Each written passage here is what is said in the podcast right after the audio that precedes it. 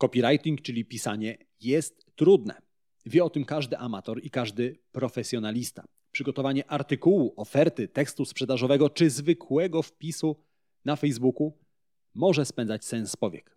Jest jednak coś, co możesz zrobić, aby ułatwić sobie pisanie. W tym odcinku podcastu dowiesz się, co to takiego. Zaczynajmy. To jest podcast Marketing z głową. Źródło wiedzy dla przedsiębiorców, handlowców i marketerów, czyli dla osób, które chcą sprzedawać lepiej i chcą sprzedawać więcej. Zaprasza Łukasz Chodorowicz. Zanim zaczniemy, pamiętaj, że więcej informacji o tym, jak zrozumieć klienta, jak robić lepszy marketing i jak więcej sprzedawać, znajdziesz w moich newsletterach. Tak, są dwa. Jeden darmowy, drugi płatny. Linki do obu znajdziesz w opisie tego odcinka podcastu. Zerknij, poczytaj i dołącz do tysięcy przedsiębiorców, marketerów i handlowców, którzy co tydzień dostają zastrzyk wiedzy, dzięki której ich firmy rosną jak na drożdżach. Witam Cię w 60. odcinku podcastu Marketing z głową. Dla osób, które z jakiegoś powodu są z nami po raz pierwszy, przypominam, że w tym podcaście zaglądam do głów klientów i szukam odpowiedzi na pytanie, jak klienci kupują. Dlaczego tak bardzo mnie to interesuje? Bo dzięki temu pomagam Ci robić jeszcze lepszy marketing i pokazuję, jak możesz lepiej sprzedawać swoje produkty i usługi. A wiedza, którą dzielę się z Tobą w tym podcaście całkowicie za darmo, pochodzi z badań na temat marketingu, psychologii oraz mojego dziesięcioletniego doświadczenia w pracy z firmami takimi jak Twoje. Pisanie jest trudne. Nie będę Cię okłamywał. Nawet osoby, które zajmują się pisaniem zawodowo, wiedzą, jaki to ciężki kawałek chleba. Jest jednak kilka rzeczy, które możesz zrobić, aby ułatwić sobie pisanie. Bez względu na to, czy piszesz teksty na bloga, teksty sprzedażowe, czy nawet zwykły post na Facebooka. A pierwszą rzeczą, którą musisz zrobić, to znaleźć swoje produktywne okno. Produktywne okno to ten moment w ciągu dnia, w którym masz najwięcej energii, zarówno tej fizycznej, jak i mentalnej. Jak znaleźć swoje produktywne okno? Musisz przeprowadzić pewne badanie. Badanie polega na tym, że przez najbliższy tydzień rejestrujesz, a dokładnie zapisujesz, czym zajmujesz się w każdej godzinie. Przy każdym zadaniu zapisujesz, jak bardzo na skali od 1 do 10 czujesz się pełen energii, zarówno tej fizycznej, jak i mentalnej. Następnie po tygodniu zbierasz dane i analizujesz. Na tej podstawie określisz, o której porze w ciągu dnia masz najwięcej energii. W ten właśnie sposób odkryjesz swoje produktywne okno. W zależności od tego, jak wyjdzie Twoje badanie, planujesz pisanie albo rano, albo po południu, albo wieczorem. Jeżeli okazuje się, że najwięcej energii, zarówno tej fizycznej, jak i mentalnej, masz właśnie rano, no to oznacza, że powinieneś pisać rano. Jeżeli najwięcej energii masz wieczorem albo po południu, to w tych godzinach planuj pisanie, bo właśnie wtedy przyjdzie ci ono znacznie łatwiej. W opisie tego odcinka podcastu umieszczam link do schematu takiego badania.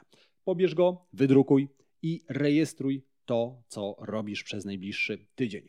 A jeżeli chciałbyś posłuchać nieco więcej o szeroko pojętej produktywności, to odsyłam Cię do 17 odcinka podcastu Marketing z głową. Link do tego odcinka również znajdziesz w opisie odcinka, którego właśnie słuchasz. Gdy już znajdziesz swoje produktywne okno, to jeszcze nie piszesz. Musisz zająć się kolejną rzeczą. Tą rzecz lepiej wytłumaczę Ci opowiadając krótką historię. Pewien drwal zatrudnił się przy wycince drzew. Każdego dnia ten rzeczony drwal miał wyciąć co najmniej 20 drzew. Pełen entuzjazmu zjawił się w pracy i pierwszego dnia wyrąbał 21 wysokich sosen, za co szef rzecz jasna poklepał drwala po ramieniu. Na drugi dzień drwal z jeszcze większym zapałem zjawił się w lesie, jednak tego dnia wyciął tylko 19 drzew. Następnego dnia, choć bardzo się starał, wyciął jeszcze mniej, bo tylko 15 drzew. Ta sytuacja powtarzała się przez kilka dni i przez kolejne dni drwal wycinał coraz mniej drzew. Wreszcie ze spuszczoną głową poszedł do szefa, aby przeprosić go za słabe wyniki w pracy. Szef przez chwilę milczał, potem zastanowił się i zapytał drwala: Kiedy ostatni raz ostrzyłeś swoją siekierę? Na co Drwal zdziwiony odpowiedział pytaniem na pytanie, ale jak to ostrzyłem? Przecież nie mam na to czasu. Cały czas jestem zajęty pracą. Wobec tego szef zaproponował Drwalowi, aby każdego dnia przed przystąpieniem do pracy ostrzył siekierkę. I od tego momentu Drwalowi udawało się wyciąć rzeczone 20 drzew każdego dnia, a do tego czerpał większą satysfakcję z pracy. Dlaczego ci o tym mówię? Ponieważ pisanie jest jak rąbanie drzew. Im lepiej naostrzysz siekierę, tym łatwiej przyjdzie ci pisanie. Jak wobec tego naostrzyć siekierę i jak przygotować się do pracy? Musisz zrobić research. Research, czyli zebrać wszystkie materiały, które pomogą ci napisać to, o czym chcesz pisać. Artykuły, cytaty, przykłady, badania. To wszystko musisz zebrać, zanim jeszcze zaczniesz pisać. Następnie umieść wszystko na żółtych, samoprzylepnych karteczkach i ułóż w logiczną całość. W ten sposób stworzysz plan ramowy Twojego tekstu. Oczywiście nie musisz korzystać z żółtych karteczek, możesz skorzystać z darmowej aplikacji od Google'a Jamboard. Jamboard robi to samo co żółte karteczki, z tym, że robi to na komputerze. W każdym razie chodzi o to, abyś przed pisaniem zebrał niezbędne materiały i stworzył z nich ramowy plan Twojego tekstu. A gdy już to zrobisz, to jeszcze nie zaczynasz pisać. Musisz zająć się jeszcze jedną ważną rzeczą, a mianowicie stworzyć rytuał pisania. Wszyscy najwięksi artyści, twórcy i pisarze mieli swoje rytuały, które poprzedzały twórczą pracę. Stephen King, zanim zacznie pisać, wlewa sobie szklankę wody, parzy kubek herbaty, bierze łyk jednego i drugiego i dopiero wtedy siada przed klawiaturą. Wiktor Hugo przed pisaniem wypijał kogel-mogel. Dla obu twórców te rytuały były sygnałem, że za moment zacznie się pisanie. Rytuał wprawia Twój mózg w odpowiedni stan i w odpowiedni sposób nastraja Cię do pracy. Ty również powinieneś znaleźć swój pisarski rytuał. Rzecz jasna, nie musi to być nic ekscentrycznego. Kubek kawy czy ulubiona piosenka przed pisaniem, a jeżeli planujesz pisać wieczorem, to nawet mycie zębów mogą być sygnałem dla Twojego mózgu, że zaraz zacznie się praca twórcza.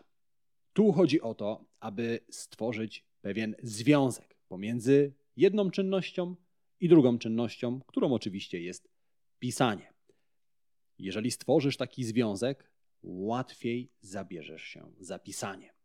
A kiedy zadbasz już o swój rytuał, zaczynasz pisać. Ale uwaga, jeszcze nie piszesz tekstu. To, co musisz napisać na początku, to jedno zdanie, które stanie się myślą przewodnią Twojego tekstu. I tu jeszcze nie chodzi o tytuł. Chodzi o jedno zdanie, które stanie się drogowskazem dla Ciebie i dla Twojego tekstu. Dzięki temu zdaniu stajesz się skupiony niczym wiązka lasera, bo każdy akapit, każde zdanie, każde słowo musi do głównej myśli nawiązywać. Jeżeli planujesz pisać o korzyściach wynikających z picia wody mineralnej, to zdanie drogowskaz może brzmieć mniej więcej tak. Szklanka wody dziennie wpłynie pozytywnie na Twoje zdrowie, poprawi kondycję skóry i poprawi Twoje samopoczucie. Dzięki temu jednemu zdaniu wiesz dokładnie, co chcesz napisać, co chcesz, aby czytelnik wiedział po lekturze Twojego tekstu, wiesz również, o czym nie powinieneś pisać. No a teraz rzecz jasna, czas na właściwe pisanie. Ale zanim zaczniesz, musisz zdać sobie sprawę z bardzo ważnej rzeczy. W Twojej głowie mieszka zarówno twórca, jak i krytyk. Twórca jest kreatywny, ma sporo pomysłów i aż rwie się do pisania. Twórca to ta dziecięca część naszej osobowości, która jest wyjątkowo płodna i aktywna, gdy właśnie jesteśmy młodzi. To dzięki twórcy stworzyłeś pierwszą laurkę dla mamy, to dzięki twórcy robisz kapitalne zdjęcia, którymi dzielisz się w mediach społecznościowych i to również twórca przekonał cię do tego, abyś założył własną firmę. Krytyk z kolei to ta część naszej osobowości, która stale ocenia wszystkie pomysły, na które wpadnie twórca. Krytyk jest przy tym bardzo surowy. to właśnie za jego sprawą masa kapitalnych tekstów i kapitalnych pomysłów nigdy nie opuszcza szuflady. Ale również krytyk jest Tobie bardzo potrzebny. To on chroni Cię przed konsekwencjami tych nie najlepszych pomysłów. Niestety, im jesteśmy starsi, tym krytyk jest silniejszy i tym częściej krytykuje nawet te dobre pomysły. Jak to ma się do pisania? W pisaniu chodzi o to, abyś w pierwszej fazie tworzenia tekstu przekonał swojego krytyka, aby siedział cicho. W pierwszym etapie pisania tekstu chcesz oddać kierownicę twórcy. To on powinien zająć się pisaniem tekstu, natomiast krytyk nie powinien mu w tym przeszkadzać. Chodzi o to, że pierwszy draft, pierwszą wersję swojego tekstu piszesz nie zwracając uwagi na styl, błędy, kropki i przecinki. Dopóki nie postawisz ostatniej kropki w swoim tekście, nie wpuszczasz krytyka na miejsce kierowcy. Krytyk przyda ci się w drugim etapie, gdy musisz zredagować swój tekst. Gdy skończysz pisać pierwszą wersję tekstu, twój tekst będzie daleki od ideału. Gdybyś był rzeźbiarzem rzeźbiącym w drewnie, to miałbyś przed sobą kawałek drewna, który został wstępnie obrobiony. Nie jest już zwykłym klockiem drewna, ale nie jest też jeszcze rzeźbą. Jest czymś pomiędzy. Trzeba nad nim popracować i nadać mu ostateczną formę. Rzeźbiarz w tym momencie chwyciłby dłuto i papier ścierny i pozbył się wszystkich niepotrzebnych fragmentów rzeźby i wypolerowałby wszystkie szczegóły. Ty ze swoim tekstem musisz zrobić to samo. Innymi słowy, teraz oddajesz kierownicę krytykowi, który pozbędzie się z tekstu niepotrzebnych zdań, niepotrzebnych wyrazów i nada Twojemu tekstowi ostateczną formę. Przy czym musisz uważać, aby krytyk nie wczytywał się w tekst za bardzo. Najlepiej niech zrobi to raz, góra, dwa razy. Bo krytyk za każdym razem, gdy przeczyta Twój tekst, znajdzie coś, co mógłby w nim poprawić, ulepszyć, zmienić i tak bez końca. Perfekcjonizm, bo do niego dąży krytyk, ma na swoich rękach krew wielu wspaniałych pomysłów i tekstów, które zabił. Dlatego chcę, abyś zrozumiał, że nie powinieneś dążyć do ideału. Twój tekst nie ma być idealny, ma być wystarczająco dobry.